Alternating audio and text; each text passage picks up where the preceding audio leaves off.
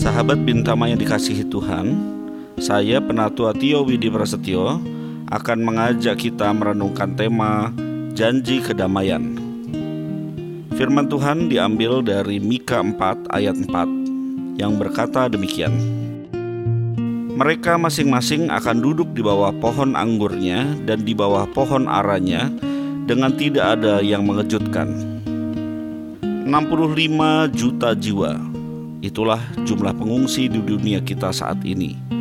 Orang yang harus meninggalkan tempat tinggal mereka karena konflik dan penganiayaan, dan itu jumlah tertinggi yang pernah ada dalam sejarah. PBB telah mengajukan permohonan kepada pemimpin negara-negara di dunia untuk bekerja sama dalam menerima para pengungsi itu, sehingga setiap anak akan mendapatkan pendidikan, setiap orang dewasa akan mendapatkan pekerjaan yang bermanfaat, dan setiap keluarga akan memiliki tempat tinggal. Mimpi untuk memberikan tempat tinggal bagi para pengungsi di masa krisis mengingatkan saya tentang janji Allah bagi bangsa Yehuda ketika pasukan Asyur yang kejam mengancam negara mereka. Tuhan mengutus Nabi Mika untuk memperingatkan bangsa Yehuda bahwa mereka akan kehilangan bait suci dan kota tercinta mereka, Yerusalem.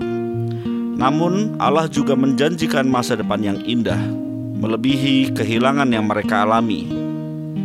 Harinya akan tiba, kata Mika, ketika Allah akan memanggil orang-orang dari dunia untuk datang kepadanya.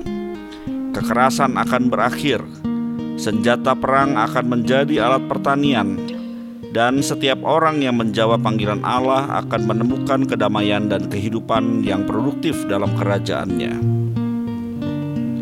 Bagi banyak orang di dunia saat ini, dan mungkin bagi Anda, tempat tinggal yang aman tak lebih dari sekedar mimpi dan belum menjadi kenyataan.